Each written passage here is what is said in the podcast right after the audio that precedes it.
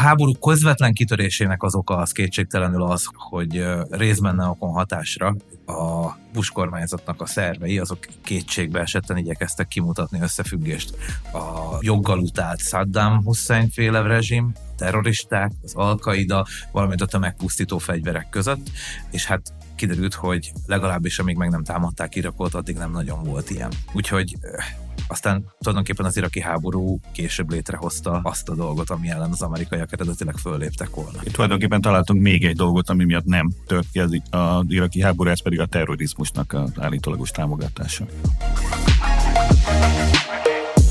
nagyon élvezetes az egész könyv erről a két évről, amit Irakba eltöntöttek, de az egyik legfontosabb része az az, hogy egy óriási frusztráció volt ebben a, vagy van ebben az ember, ebben a CIA tisztviselőben, mert ő sose jelentett haza olyat, hogy Saddam Husseinnek vegyi fegyverei lennének.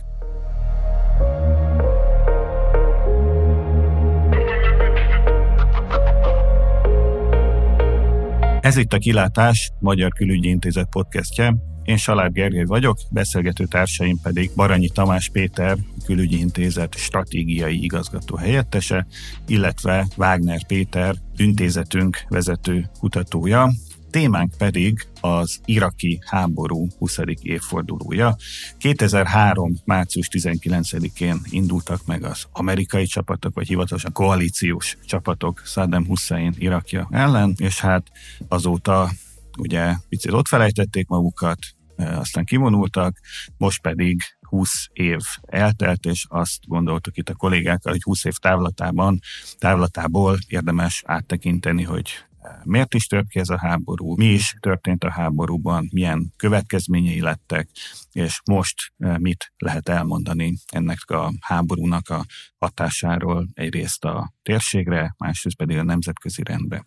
Az első kérdésem rögtön az lenne, hogy miért tört ki az iraki háború. Ugye azt nagyjából tudjuk, hogy miért nem. Tömegpusztító fegyverek azok nem nagyon voltak, az akkori állítások ellenére, de hát valami miatt azért csak megindították a rakétákat, meg a repülőgépeket, meg a gyalogosokat, meg páncélosokat az amerikaiak. Mielőtt, mielőtt felboncolnánk az okokat, még egy másik okot szeretnék megjegyezni, amiért nem tört ki ez a háború, ez pedig az olaj. Ez egy, ez egy ilyen klasszikus visszatérő érv, nagyon egyszerű és nagyon jól hihetőnek tűnik, hogy így Irak hatalmas olajkészletekkel rendelkezik, és hogy majd az Egyesült Államok elveszi ezt az olajat. Ugye utólag láttuk, hogy ez hogy ez nem következett be. Az iraki olaj ma is iraki kézben van, és többek között kínai, orosz és molajzia és mindenféle más cégek termelik ki, beleértve persze amerikai és nyugati cégeket is. Miért tört ki a háború? Én azt szoktam mondani, hogy, hogy az amerikai külpolitikai elit egy részének ez egy régi, egy évtizedes becsípődése volt, ami abból indult ki, hogy 1990-91-ben, amikor az első öbölháború volt, amikor Irak elfoglalta Kuwaitot, és a nemzetközi közösség az Egyesült Államok vezetésével kiűzte onnan, akkor amerikai vezetők, politikusok, republikánus politikusok egy, egy része, tipikusan középvezetők úgy érezték, hogy, hogy nem, nem kellett volna megállni az iraki kuwaiti határ határon. A rendszerek ezt a, a, a problémáját tovább kellett volna vinni, és egyenesen Bagdadig kellett volna masírozni, mert Saddam Hussein az egy jól körülírható diktátor, veszély az amerikai regionális érdekekre a Perzsőbölben, és ez a munka befejezetlen maradt, és ez a, ez a szűk elit, ez a szűk kör, akik aztán 2000 után, 2000-ben a republikánusokkal, a republikánus győzelemmel hatalomra kerültek, úgy érezték, hogy akkor most ezt, ezt, a, ezt az ügyet rendezni lehet és, és gyakorlatilag 2001, a 2001. szeptember 11-i események a kezükre játszottak, de, de ez, a, ez a csoport a 90-es években is azon dolgozott, hogy, hogy az amerikai akkor demokrata vezetést rábírják egy minél keményebb Irak ellenes fellépésre. Tamás? Hát igen, van ez a legenda, hogy a görög-perzsa háborúk azért törtek ki, mert az egyik udvaronca, Dareios királynak minden este belesuttogta vacsoránál a fülébe, hogy Atén sokkal gazdagabb, mint, mint, mint Perzsia. Kicsit a legendák világába utalnám azért azt is, hogy ezt egy szűk elit csinálta volna. Mindenben igazad van, Péter, nyilván, csak talán annyiban árnyalnám, hogy kétségtelenül létezett egy ilyen amerikai külpolitikai elit, akik még középvezetők voltak a 80-as, 90-es években, és aztán a második Bush, vagy első Bush, na, a második Bush első kormányzatában e, jelentős szerephez jutottak. Ugyanakkor azért volt egy fogadókészség az egész amerikai külpolitikai, és az egész amerikai politikai életben. Ezért ne feledjük, hogy hogy a kongresszusban nagyjából egyharmad, kétharmad arányban szavazták meg az alsóházban az iraki háborús fölhatalmazást, a szenátusban pedig, ha nem csaladnak az emléket, 77-23 vagy valami ilyesmi arányban.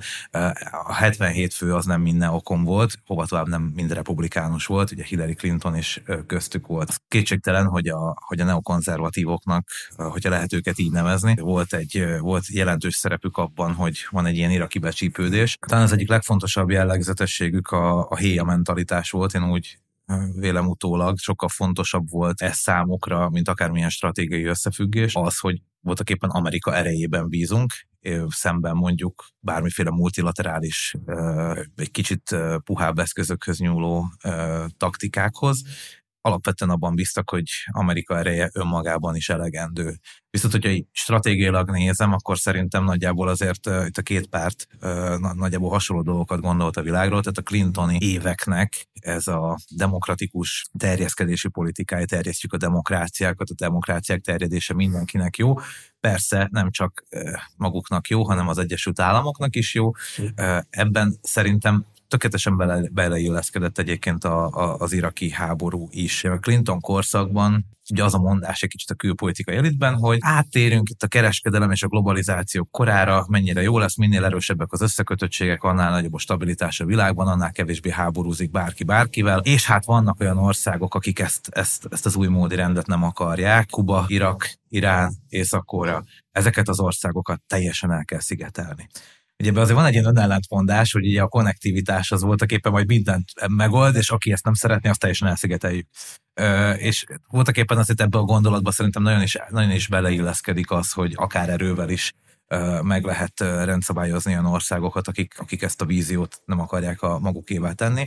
És hát Saddam Hussein különösen a kuwaiti kalandjának a kudarca után nem, hogy nem együttműködő volt, hanem hát egy ilyen igazi önsorsrontó politikát folytatott, nem engedte be a fegyverzet ellenőröket, úgyhogy nem derült ki ideje korán, hogy nincsenek tömegpusztító fegyverei. A háború közvetlen kitörésének az oka az kétségtelenül az, hogy részben ne okon hatásra a Bush kormányzatnak a szervei, azok kétségbe esetten igyekeztek igyekeztek kimutatni összefüggést a joggal utált Saddam Hussein féle rezsim, a terroristák, az Al-Qaida, valamint a tömegpusztító fegyverek között, és hát kiderült, hogy legalábbis amíg meg nem támadták Irakot, addig nem nagyon volt ilyen. Úgyhogy aztán tulajdonképpen az iraki háború később létrehozta azt a dolgot, ami ellen az amerikaiak eredetileg fölléptek volna. Itt tulajdonképpen találtunk még egy dolgot, ami miatt nem tört ki az, az iraki háború, ez pedig a terrorizmusnak az állítólagos támogatása. Így, így van.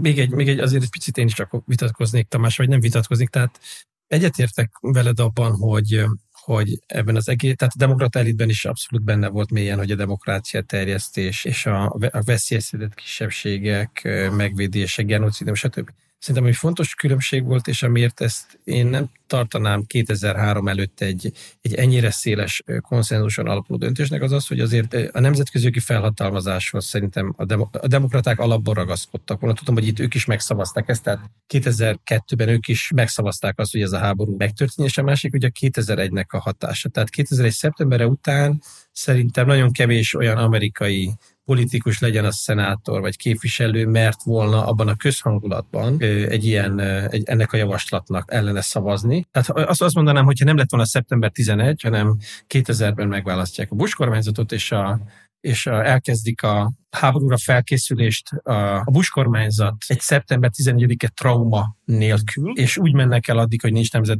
NSBT felhatalmazás a háborúra, akkor nem lett volna ilyen egyértelmű és ilyen, kvázi igazad van tömegtámogatottsága ennek az iraki háborúnak a megindítása. Tehát erre céloztam, hogy ezért volt ez ennek a kis csoportnak a projektje, mert ez azon a kis csoporton viszont lehet látni a 90-es évektől kezdve, hogy publikálnak a Foreign Affairs-be, törvényjavaslatot fogalmaznak, üdvözölnek. A, a Clinton kormányzat is próbált valamit, tehát voltak ugye támadások, amikor lebombáztak, nem tudom, iraki létesítményeket, miért nem engedtek be fegyverzett ellenőröket.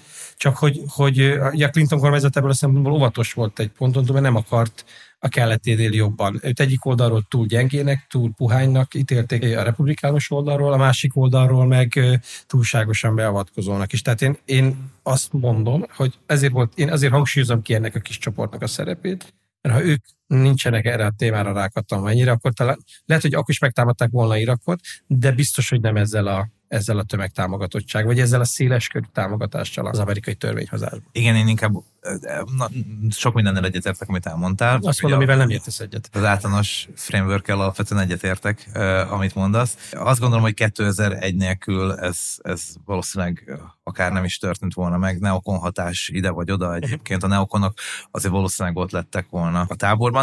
A Clinton adminisztrációban azért van egy váltás szerintem, amikor a Madeleine Albright lesz a, a külügyminiszter, uh-huh. tehát azért már ott is azért elmozdulnak egy kicsit az unilateralizmus Igen. irányába republikánusok erre sokkal jobban hajlamosak, és egyébként akik, akik a republikánus párton belül ezt nyomták már a 80-as években, az első igazi neokonzervatív külpolitikai kulcsember a régen korszakban az Jane Kirkpatrick, aki ugye ENSZ követ volt, Ezt és voltak éppen magának az ENSZ-nek bizonyos mechanizmusének a megkerülését uh, szorgalmazta. Tehát ez volt azért a neokonzervatív brand, de voltak éppen már ez is kezdett a külpolitikai elitben terjedni. Abban viszont teljesen egyetértek, hogy, hogy a 2001-es sok nélkül erre valószínűleg nem került volna sor, és valószínűleg a neokonok sem szereztek volna uh, túl nagy támogatást uh, ehhez a projekthez. A nemrég volt egy rendezvényünk az iraki háború 20. évfordulójáról, és ott fölmerült, hogy Marton Péter bedobta, hogy, hogy valaki írt egy ilyen counterfactual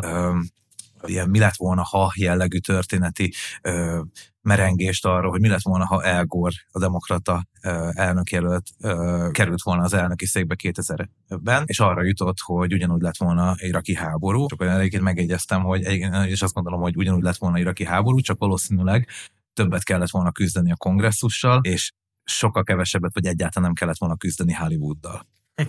Igen. Azt tudnátok tisztázni, hogy kik ezek a neokonok? Őket ugye bizonyos körökben, hát ugye a sátánnal, meg az ördöggel, Luciferrel, Belzebubbal szokták egy lapon emlegetni. Ez jogos? Általában, hogyha valakit így szoktak emlegetni, az legtöbbször azért nem jogos, ha csak nem Belzebubról van szó tényleg.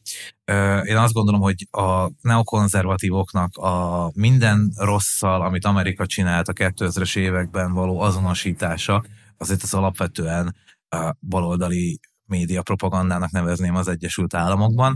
Fantasztikusan jó baloldali újságírói voltak akkor még Amerikának 2000-es években, ezek, én, én, most keresem őket, és annyira nem látok hozzájuk hasonlót vagy foghatót, de akkoriban még ez egy szakma volt, nem nyomott le mindent az internet, és néhányan nagyon tehetségesek voltak, és nem állítom, hogy amiket írnak, az nem igaz, csak hogy van egy olyan keretezése, ami, ami gyakorlatilag az összes felelősséget rá, rájuk terhel. És én azért szoktam általában belekötni ebbe a neokon diskurzusba, mert hogy kicsit úgy érzem, hogy ez egy bűnbakkeresés, hogy minden ami, minden, ami kudarcos volt az iraki háborúban, az, azt igazából megpróbáljuk az ő nyakukba varni. De röviden egyébként a, a, az egész mozgalomról, azért ez egy sokkal szélesebb, eszmetörténetileg értelmezhető uh, mozgalom, akik uh, baloldali, sokszor európai, sokszor zsidó származású New Yorki értelmiségiekből állt, brooklyni értelmiségiekből, akik még a, az 50-es, 60-as években uh, trockisták voltak, tehát az Amerikában kimondottan baloldaliak, és uh, akik megjettek a 60-as években az új baloldal felemelkedésétől, a baloldal Amerika ellenes fordulatától, ugye ők bevándorlóként hát egész sokkal pozitívabban viszonyultak az Egyesült Államok politikai rendszeréhez, befogadásához, stb., mint mondjuk a korszakban terjedő új baloldali eszmékkel érintkező fiatalok, akiket meg potenciálisan besoroztak a seregbe Vietnámban, tehát az érthető ez a különbség, és hát ők egy ilyen jobboldali fordulatot vesznek, és a jobboldali fordulatukban uh, külpolitikai értelemben héjává válnak, de ez még különösebben nem jelentkezik a 70-es, 80-as években, mert annyira nem foglalkoztatja őket a külpolitika, és a külpolitikai nézetrendszerük az inkább az, hogy lépjünk oda keményen a szovjetek ellen, ne finomkodjunk velük, hiszen erősek vagyunk és megtehetjük, és a másik, hogy az új baloldali elitnek ne engedelmeskedjünk a, a kötelező diskurzusnak, amit ők kényszerítenek. Tehát, hogy ők lehet, hogy azt mondják, hogy Vietnámban ne támogassunk diktatórikus kormányt a kommunizmus ellen, és a diktatúra az teljesen mindegy, hogy kommunista vagy nem kommunista. Mi nyugodtan mondhatjuk azt, hogy hát a mi, a mi diktatúránk az nem kommunista, tehát jobb, és akkor támogathatjuk. Tehát így jelentkezett igazából ez a héja fölfogás, de ez alapvetően szovjet ellenes éle volt.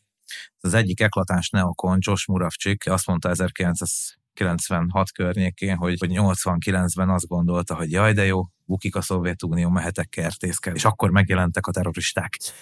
Úgyhogy kicsit így áthangszerelődtek ugye erre a kérdésre. Megjegyzem, a 90-es években minden egy kicsit ezek közül a civilizációs kérdések körül forgott, Huntington, civilizációk összecsapása, stb és azt az erőt, meg azt a morálisan pozitív jót, amit ők korábban Amerikában láttak a Szovjetunióval szemben, azt kicsit úgy át, kicsit áthangszerelték arra, hogy van itt egy, egy, egy türelmetlen és radikális része az iszlámnak, ami ellen, iszlamizmusnak, ami ellen föl kell lépni.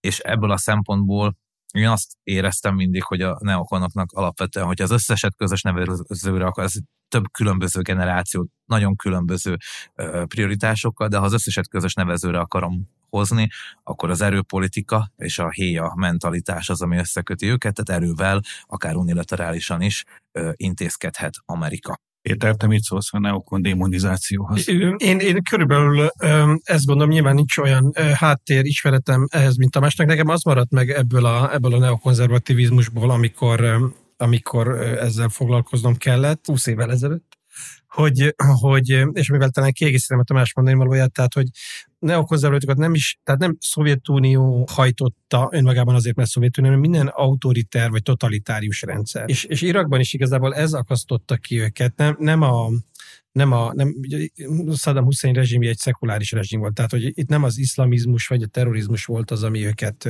zavarta vagy bosszantotta, hanem az, hogy ez egy, ez egy totalitárius diktatúra volt, amely, amely ugye nem akart meghajolni ezeknek a globális amerikai érdekeknek, és, és valóban, még amit nem hallottam Tamás szájából, most, most ez, a, ez a szabadság, meg a demokrácia, az elvitele erőszakkal. Tehát ez, ez az erőpolitikája, igen, az amerikai érdekek érvényesítése akár nemzetközi felhatalmazás nélkül, de a cél, aminek érdekében el akarjuk vinni az amerikai erőt, az a demokratizálódás. Nekem mindig az volt a kérdés, amit te is mondtál, tehát ugye a közel-keleten volt Irán, Irak, Líbia, Szíria, ez a négy ország, ugye, amely, amely nem tért be kvázi a, a, rendszer, a hidegháború végét követően az amerikai világrendbe, hogy miért pont, miért pont Irakot támadták meg mert megtámadhatták volna a másik három országot is. És így most már emlékszem, mit mondtam, mit írtam 20 évvel ezelőtt. Tehát, hogy, hogy ezért, ezért, én ezért mondtam, hogy nekik ez a becsípődés volt, mert 2000 után gondolhatták volna azt is, hogy akkor Líbiát rendezzük le, az egy sokkal könnyebb falat lett volna. Vagy Szíriát, ami az Izrael miatt egy sokkal fontosabb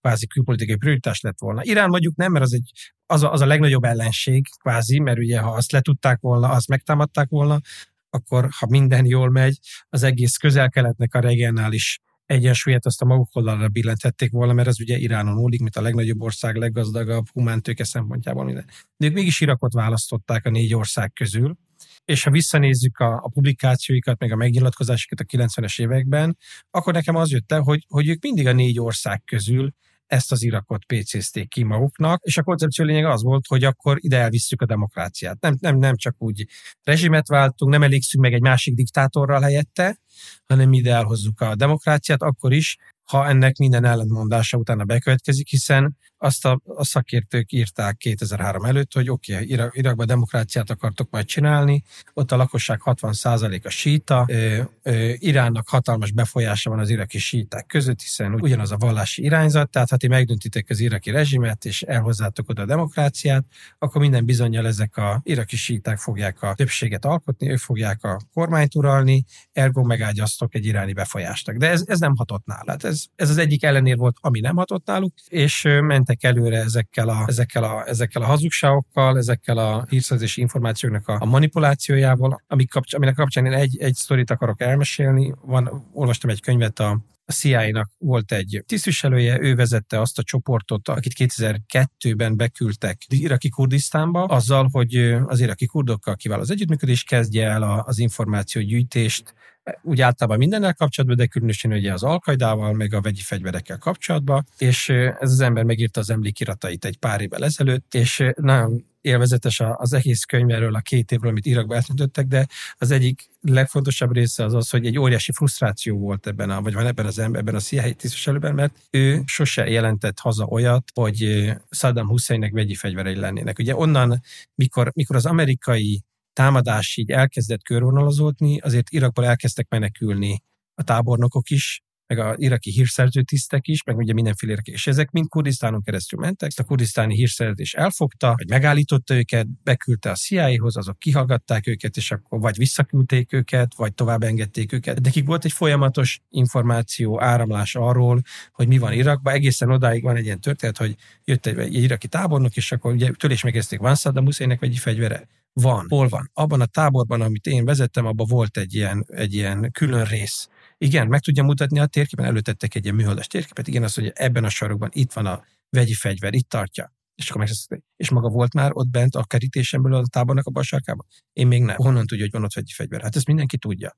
És ilyen élmények rendszeresen visszatértek, hogy elfogták a tábornokokat, mindenki megmutatta, hogy hol van a vegyi fegyver. Saddam Husseinnek az ő táborába, de ott még senki se járt bent. Tehát a saját szemben senki se látta. És írja ez a, ez a CIA tiszt, hogy ők a másfél év alatt egy olyan hírt nem küldtek haza, hogy hát Saddam Husseinnek bizonyíthatóan vegyi fegyvere lenne. Ennek ellenére ugye ez maradt végig az egyik érv, mert az amerikai vezetés talált olyan iraki emigránsokat, akik jó pénzért, vagy mert azt gondolták, hogy majd ha megtörténik a rezsimváltás pozícióba kerülnek, hajlandóak voltak ezeket az információkat az amerikaiaknak elmondani. Akkor fókuszáljunk egy kicsit Irakra. Vegyi fegyverei tehát nem voltak, de egyébként hogyan viselkedett a 90-es években, 2000-es évek elején Irak, hogy miért amellett, hogy volt ez a becsipődése bizonyos amerikai elit tagoknak, amellett miként viselkedett Irak, illetve milyen szerepe, pozíciója volt a, a saját térségében Iraknak? Irak a 2000-es években a mozgásterét tekintve legyengült, azért mert 91 után az ENSZ szankciók érvényben maradtak az országgal szemben, ami azt jelenti, hogy ideig nem adhatott el egyáltalán olajat, ugye az ország bevételei ma is nagy részt az olaj exportból származnak, akkor nem adhatott el. Ebből gyakorlatilag Saddam Husseinnek nem volt bevétel az ország, úgyhogy azt csinálta, hogy arra a szunita közösségre támaszkodott, akire korábban is támaszkodott, csak most minden meglevő forrást erre az egy közösségre fordított, így aztán tehát az ország síták között hatalmas elszegényedés, nyomor, éhezés volt, akkor egy ponton az ENSZ bevezette humanitárius okokból a olajat élelmiszerért programot, amikor azt hiszem két millió hordónyi olajat láthatott Irak, és az abból származó pénzből humanitárius jellegű dolgokat vehetett, de akkor jöttek ezek a kettős felhasználású problémák, tehát emlékszem, grafitceruzákat nem lehetett az országba importálni, ami ugyan az oktatáshoz kellett, de a grafit ugye az a, az a nem tudom, urándúsítások, de nukleáris fejlesztésekhez is kell, tehát akkor ezekből rengeteg probléma volt. Pont ma olvastam egy, egy, egy, egy iraki fotósnak a visszaemlékezését, hogy hogy várták ezt a háborút, és ugye nagyon jól visszaadja azt a dilemmát, hogy egyrészt gyűlölték Saddam Hussein, meg gyűlölték a diktatúrát, de rohadtul féltek az amerikai inváziótól,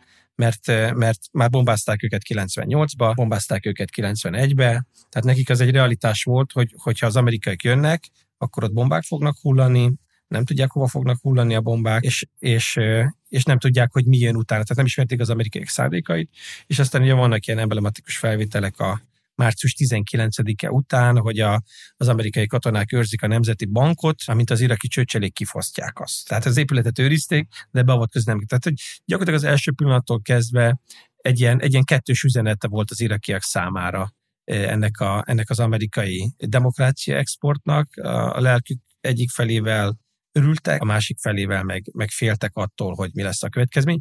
Még talán Saddam mozgástérre visszatérve, én ha most így visszaemlékszem, homályosan az jut eszembe, hogy nem volt nagyon mozgástere. Tehát annyira be volt szorítva, a hadserege arra volt elég, hogy a, hogy a rezsimet fenntartsa, elnyomja a lakosságot, érdemi veszélyt Szíriára, Iránra, Szaudarábiára, a szomszédokra, vagy az Egyesült Államokra már nem tudott jelenteni. Irán ellensúlyozásában nem volt szerepe Iraknak, legalábbis így a kihullásával Iraknak, mint hogyha azért alapvetően átalakultak volna a térségbeli erőviszonyok közelkednek ezen a részen ez a két nagy ország van, és nagyon sokáig az Egyesült Államok ugye Iránnal ápolt stratégiai szövetséget az 1979-es forradalomig, aminek során ugye nem pusztán elveszítették Iránt, mint szövetségest az amerikaiak, hanem gyakorlatilag az egyik legcsúnyább fiaskó történt az amerikaiakkal, hogy 444 napig fogva tartották az amerikai nagykövetségnek a személyzetét. Az iráni berendezkedés számára ez egy ilyen legitimációs pont volt, a, a, a szabadságharcnak egy ilyen emblematikus pillanata.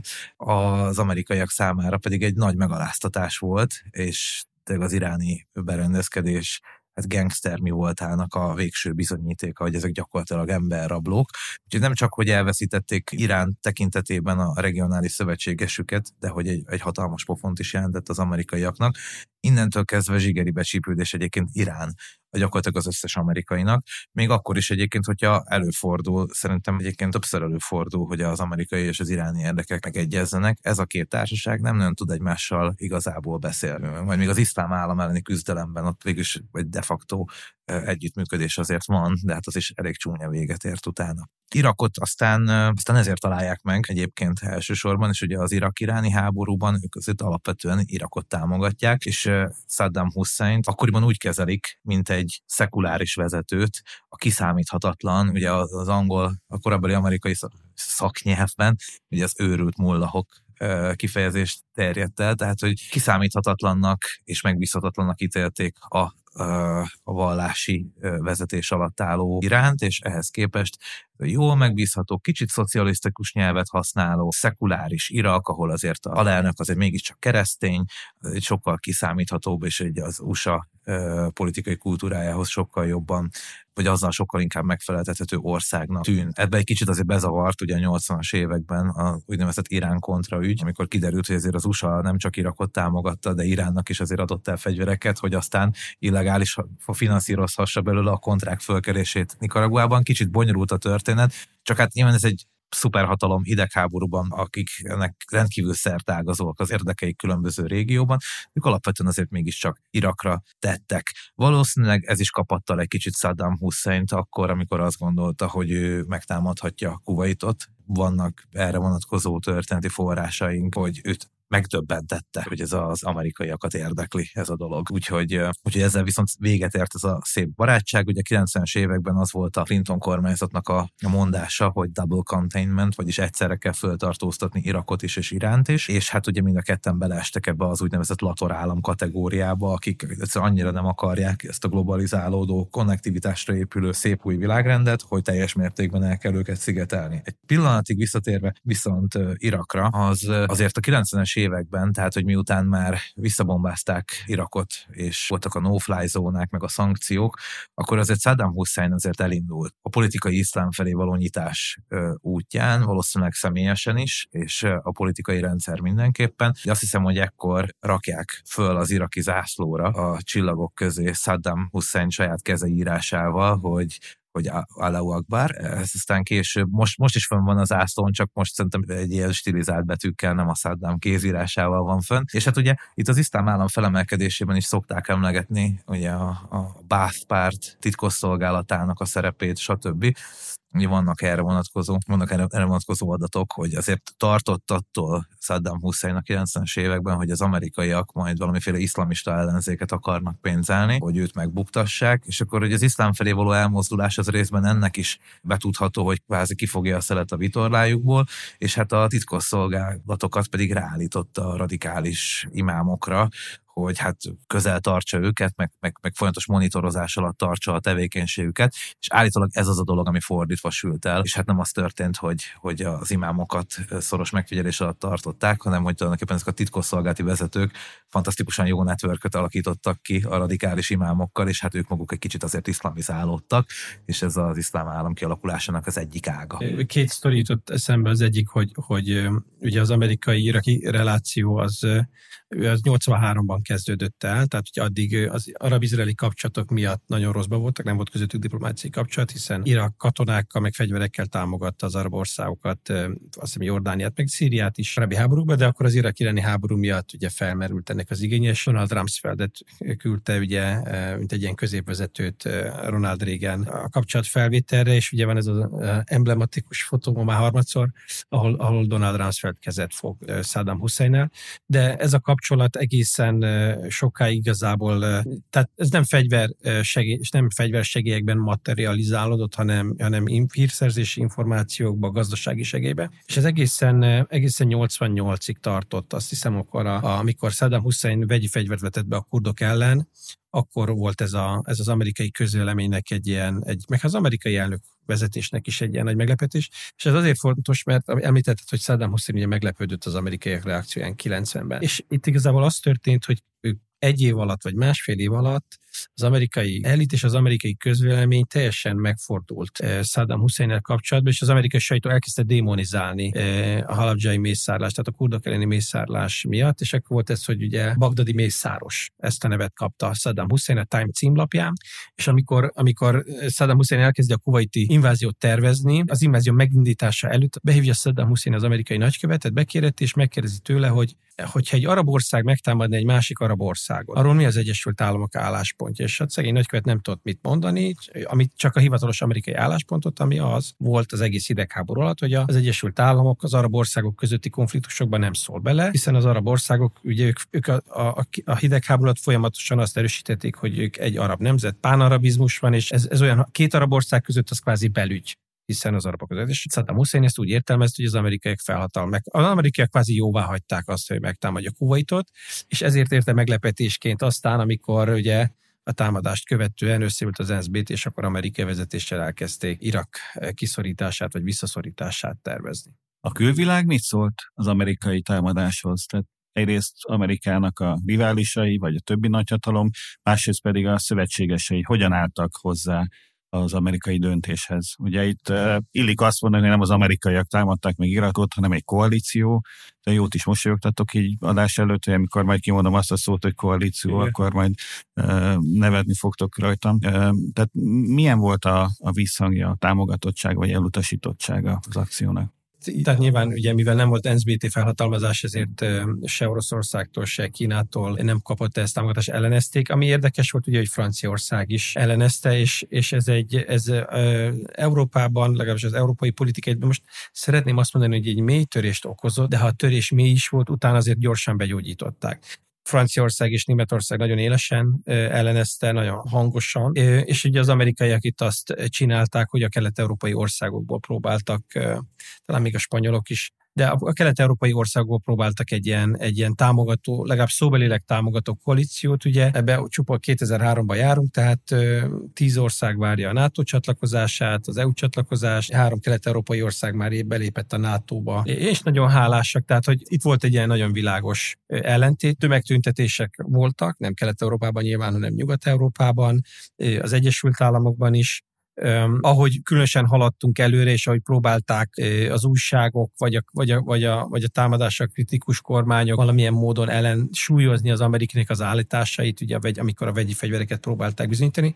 a sajtó rendszerint megírta, ha az amerikai kormányzat kijött egy ilyen egy ilyen vadabb állítással, hogy, hogy nem tudom, Saddam Hussein egyik ügynöke Prágában találkozott az Osama Bin Laden egyik kollégájának a fiával egy kávézóba, és akkor utána, utána mentek, és akkor fel tudták hozni, hogy azért itt ez az ember, akit kapcsolatba hoztak Saddam Hussein ügynökével, az nem rokonna, vagy az nem tagja az Alkaidának, vagy hogy Saddam Hussein, nem tudom, Nigerből akar uránt importálni a, az atomprogramjához. Tehát, hogy ezeknek mindig utána ment a sajtó, az amerikai kormányra ez nem hatott, de a, a háború ellenes hangulatot azt, azt folyamatosan táplálta. A Fehérházban a sült krumplit meg átnevezték French fries-ról, Freedom fries-ra. akartam kitérni egyébként, hogy, hogy ugye átnevezték a French fries-t Freedom fries-ra, vagyis a francia krumplinak nevezett sült krumplit szabadság krumplira, és öntögették ki a francia vörösborokat, sárga szalagot aggattak magukra, hogy ők patrióták, meg ilyesmi, szóval volt egy ilyen, egy ilyen őrület, és valóban Donald Rumsfeld az ebben az időszakban arról beszélt, hogy van egy Old Europe, egy régi Európa, amelyik hát ilyen nem lehet vele dűlőre jutni, de milyen jó, hogy van egy New Europe, ez a Kelet-Európa, akik tudják, hogy miben vannak. Nagyon érdekes, hogy ez a szövetségesi kapcsolatokban sokkal nagyobb feszültséget okozott. Ideiglenesen egyébként, mert utána a megszálló újjáépítő koalícióban mindenki részt vett, aki vagy legtöbb ország részt vett, aki valamilyen politikai pontokat akart szedni az Egyesült Államoknál, ez a kelet-európai országokra ugyanúgy igaz volt, mint, mint némely nyugat-európaira. A nagyhatalmi kontextusról viszont volt kritika, volt kritika azért az USA beavatkozásával kapcsolatban, de azért volt egy olyan szint, ahol a nagyhatalmak kiválóan megtalálták szerintem a számításukat, és jól együtt tudtak működni. Ez pedig a terrorizmussal szembeni általános diskurzus volt, hogy hirtelen azért jól meg lehetett állapodni abban, hogy ki is az a terrorista. Ugye az, hogy ki a terrorista, az egy alapvetően mindig egy politikai kérdés, és hát ugye Moszkvában és Pekingben is mondták, hogy ők végül is támogatják azt, hogy globálisan fogjunk össze a terroristákkal szemben. Szóval a terrorista az az, aki hát én erőszakos cselekményeket hajt végre a törvényes kormányjal szemben, ugye? Gyakran, gyakran politikai identitásokat tekintve gyakran gyakran muszlimok. Jó, hát akkor, akkor tudom már kik ők, a csecsenek. Illetve hát meg az ujgurok. Igen, és érdekes, hogy, hogy itt az elején szerintem volt egy, volt egy, volt egy nagyon is erős hallgatólagos együttműködés a nagyhatalmak között, hogy hát tudom én, hogy mire kell ezt a helyzetet használni, leszámolni a saját terroristáimmal, hiszen most ez a vóg, ez a divat, és uh, voltak éppen nem nagyon eredményezett ez nagy hatalmi feszültséget, egészen addig, amíg a Bush kormányzat elő nem állt a, az európai rakéta pajzs, színes meg a színes forradalmak, addig, addig ez én nem, nem különösebben nem okozott a nagyhatalmak között, sokkal inkább az európai szövetségesek és az USA között, de az európai szövetségesek és az USA közötti feszültség az aztán igazából 2006-7 után nem pikpak megoldódott. Így van, igazából igazából ez, tehát e, ez, a, ez a feszültségek kezelése ott kezdődött el, hogy, hogy ugye 2001-ben az Egyesült Államok beavatkozik Afganisztánba, de ott nem akar nagyon beavatkozni, nem akarja lekötni az erőit, hiszen szeptember 12-től felmerül a Bush kormányzat vezetésében, hogy akkor ezt használjuk Irak ellen. És hogy 2002-től már Irak megtámadására használ, készülnek fel,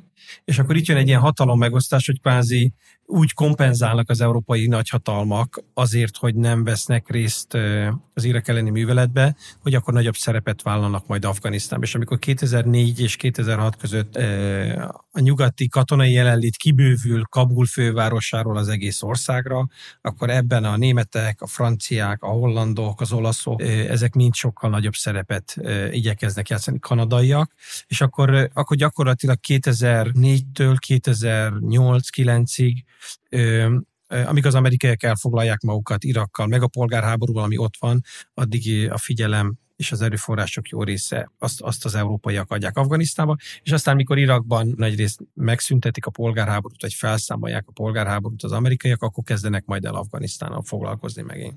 Az adás vége fele valamiféle ilyen értékelését adjuk azért az eseményeknek. Ugye 20 év eltelt, tehát az már, már, már történelmi távlat.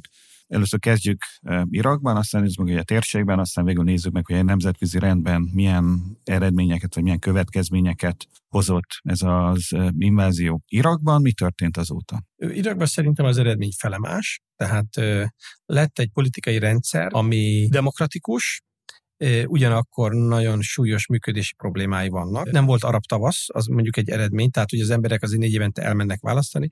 A választások a mai napig tiszták és átláthatóak, tehát magával a demokratikus processzussal nincs probléma. Ugyanakkor a politikai kultúrától teljesen idegenek a demokratikus hagyományok, tehát ugye ennek a társadalmi bázisa, gondolkodása hiányzik, és talán a harmadik dolog, hogy amit, amit a szakértők állítottak, hogy az iráni befolyás alá fogja sodorni e, Irakot, ez nem valósult meg mégse teljes mértékben, tehát a mai napig, bár Irán befolyása rendkívül megerősödött, de az amerikaiak e, befolyása nem szűnt meg, aminek utólag látjuk, hogy az az oka, hogy most már viszont azok a közösségek, különösen a kurdok, és a szuniták, akik addig Saddam Hussein hívei voltak, ugye az áldozatai voltak az amerikai támadásnak. Most egyedül az amerikaiakban látják a biztosítékot annak, hogy egy nem kerülnek egy totális iráni vagy síta befolyás alá, és ezért ők a mai napig azon az állásponton vannak, hogy, hogy az amerikaiak maradjanak csak jelen. Mai napig vannak amerikai katonák az Egyesült Államok. Bocsánat, nem a mai napig, meg 2011-ben hazamentek,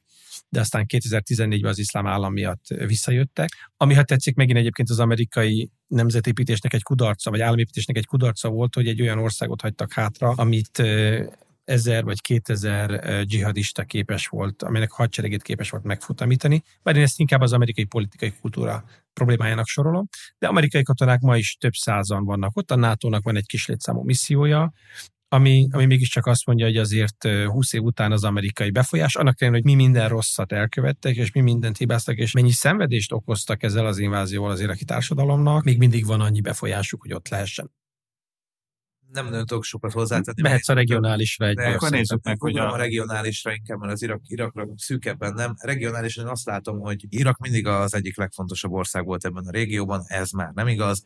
Engem iszonyatosan meglepett, hogy az iráni befolyásnak gátat tudtak vetni Irakban ma se hiszem el teljesen, de az biztos, hogy, hogy így strukturális szinten nézve lényegében létrehoztak Irán körül egy olyan zónát, ahol az, ahol, a, ahol az iráni befolyás sokkal jobban érvényesül, mint korábban. A kettős föltartóztatás történeti távlatban nem működik, Iránt nem tartóztatták föl, sőt, ez regionális szinten ezt lehet elmondani, és nyilvánvalóan ez, ennek volt egy, volt egy instabilitás gerjesztő hatása, amire szerintem azért nem emlékszünk, vagy azért nem kötjük össze elsősorban, mert a, az arab tavasznak, aminek meg volt a saját kontextusa, az úgy kicsit egy elsöpörte ezt az egészet, de Irak destabilizálása, én azt gondolom, hogy több másik ország áttételes destabilizálásához hozzájárult.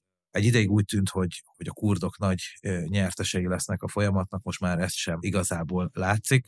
Visszatérve egy pillanatra a neokon vízióra a közel-keletről, komolyan hittek abban, hogy a demokrácia ebben a formában átplantálható és elterjeszthető, és hogyha ha, ha ez sikerül, akkor egy ilyen regionális transformáció veheti kezdetét, ahol nem kell autoriter elnyomókra támaszkodni az érdekeink érvényesítéséhez, hanem majd egy ilyen demokratikus konszenzus lesz ebből. Szerintem ez a gondolkodás még az arab tavasz környékén is azért jellemző volt az amerikaiakra.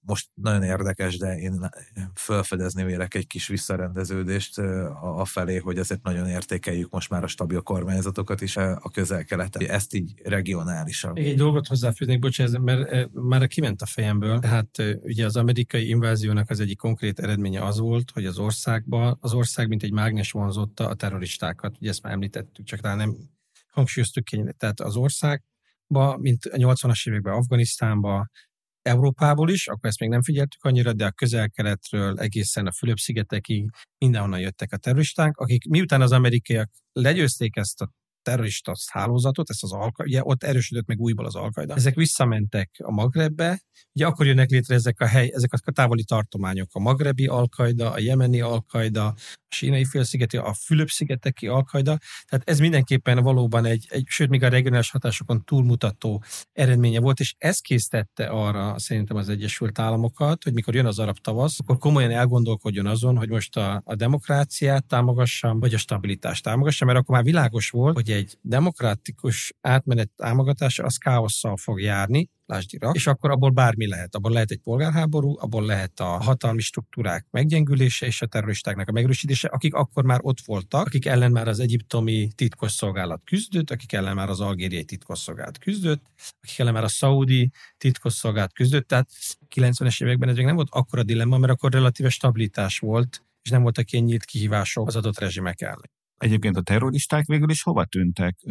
Élnek és vérulnak, csak kevesebbet ír róluk az újság, mert mással vagyunk elfoglalva, vagy pedig sikerült a titkosszolgálatoknak, egyéb szerveknek tényleg visszaszorítani a, a nemzetközi terrorizmust? Mindegyik. Ugye az, az, azt kell látni, hogy, hogy Irakban is, és a közelketen más is a terroristák egy része, azok olyan személyek, akik azért csatlakoznak ehhez, mert helyi problémáik vannak a hatalommal. Tehát számukra ez a, ez a kifejezés egyik eszköze arra, hogy, hogy tiltakozzanak kvázi a hatalom elnyomása, igazságtalanság ellen. De akik nyilván vezetik ezt, meg akik motiválják, meg a pénzügyi hálózatot megéteszik, azok a elkötelezett hardcore iszlamisták, dzsihadisták, akik ha kell országról országra vándorolnak. Az amerikaiak rengeteget megöltek, az irakiak rengeteget megöltek. Amikor 2011 az arab tavasz eljön, akkor Irakba becslések szerint egy olyan 500-600 alkajdás van. Amikor kitör az arab tavasz, ezeknek a nagy része, vagy szinte mindegyik átmegy Szíriába, és lám mi történik? Ugye ott létrehozzák a helyi alkajdát, mert ott egy hatalmas káosz van, ott szabadon lehet vadászni, rengeteg a, a, a probléma, az emberek elégedetlenek, az emberek dühösek,